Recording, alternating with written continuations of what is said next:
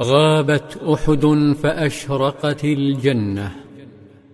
نظر الصحابة الذين قتلوا والد حذيفة إلى حذيفة بعد فوات الأوان وكأنهم يعتذرون. أما حذيفة فانكب على والده الحنون وصديقه ورفيق هجرته وقد قطعته السيوف. فلم يتلفظ بكلمة نابية ولا حتى بعتاب مجروح. لم يزد هذا المفجوع على كلمات تنهد بها ذرفها كالدموع فقال غفر الله لكم يرحمكم الله خفت الفوضى. ولكن بعد أن سقط الأحبة وفقد جيش الإسلام مواقع فارقة على الأرض. توقفت الفوضى لكن مفاجآت أحد لم تتوقف.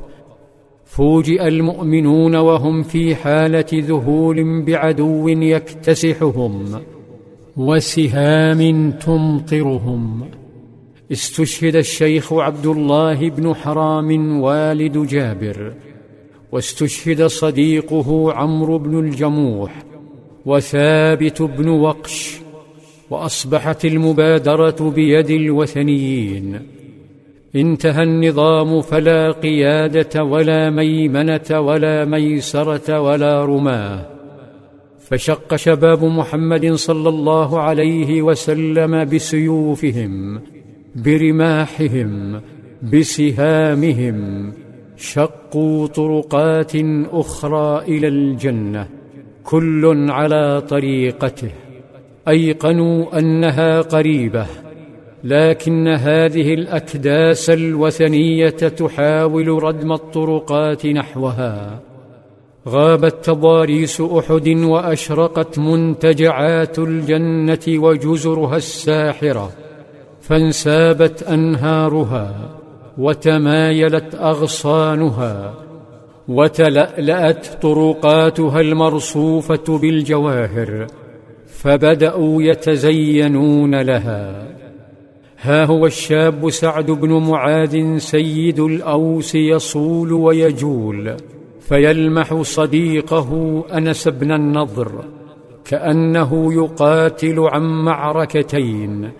عن أحد وعن بدر التي غاب عنها يجتث من أمامه ليبر بوعده لربه حين قال لئن أشهدني الله مع النبي ليرين الله ما أصنع كان يصرخ معتذرا عن أخطاء الرماة فيقول اللهم إني أعتذر إليك مما صنع هؤلاء وينادي ربه متبرئا من الشرك قائلا وأبرأ إليك مما جاء به المشركون. ثم يصف لصديقه ابن معاذ بوابة قريبة للجنة حين سأله أين يا أبا عمرو؟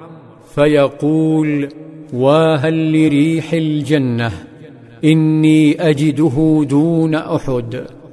طار قلب سعد فطلب الصحبة فقال أنا معك. فشدا يجتثان شجعان الوثنية لكن أنسا كان استثنائيا. ضرب العشرات وجرح بالعشرات حتى تمزق جسده وهو يلاحق روحه. روحه التي رفرفت تاركة إياه ممزقا دون ملامح. تأمله ابن معاذ وتأمل جراحه المبكية. فاعترف بتفرده وقال لم أستطع أصنع ما صنع. أثناء تلك الأحداث التقط وحشي حربته. التقطها وعاد من جديد يستشرف يبحث عن حمزة.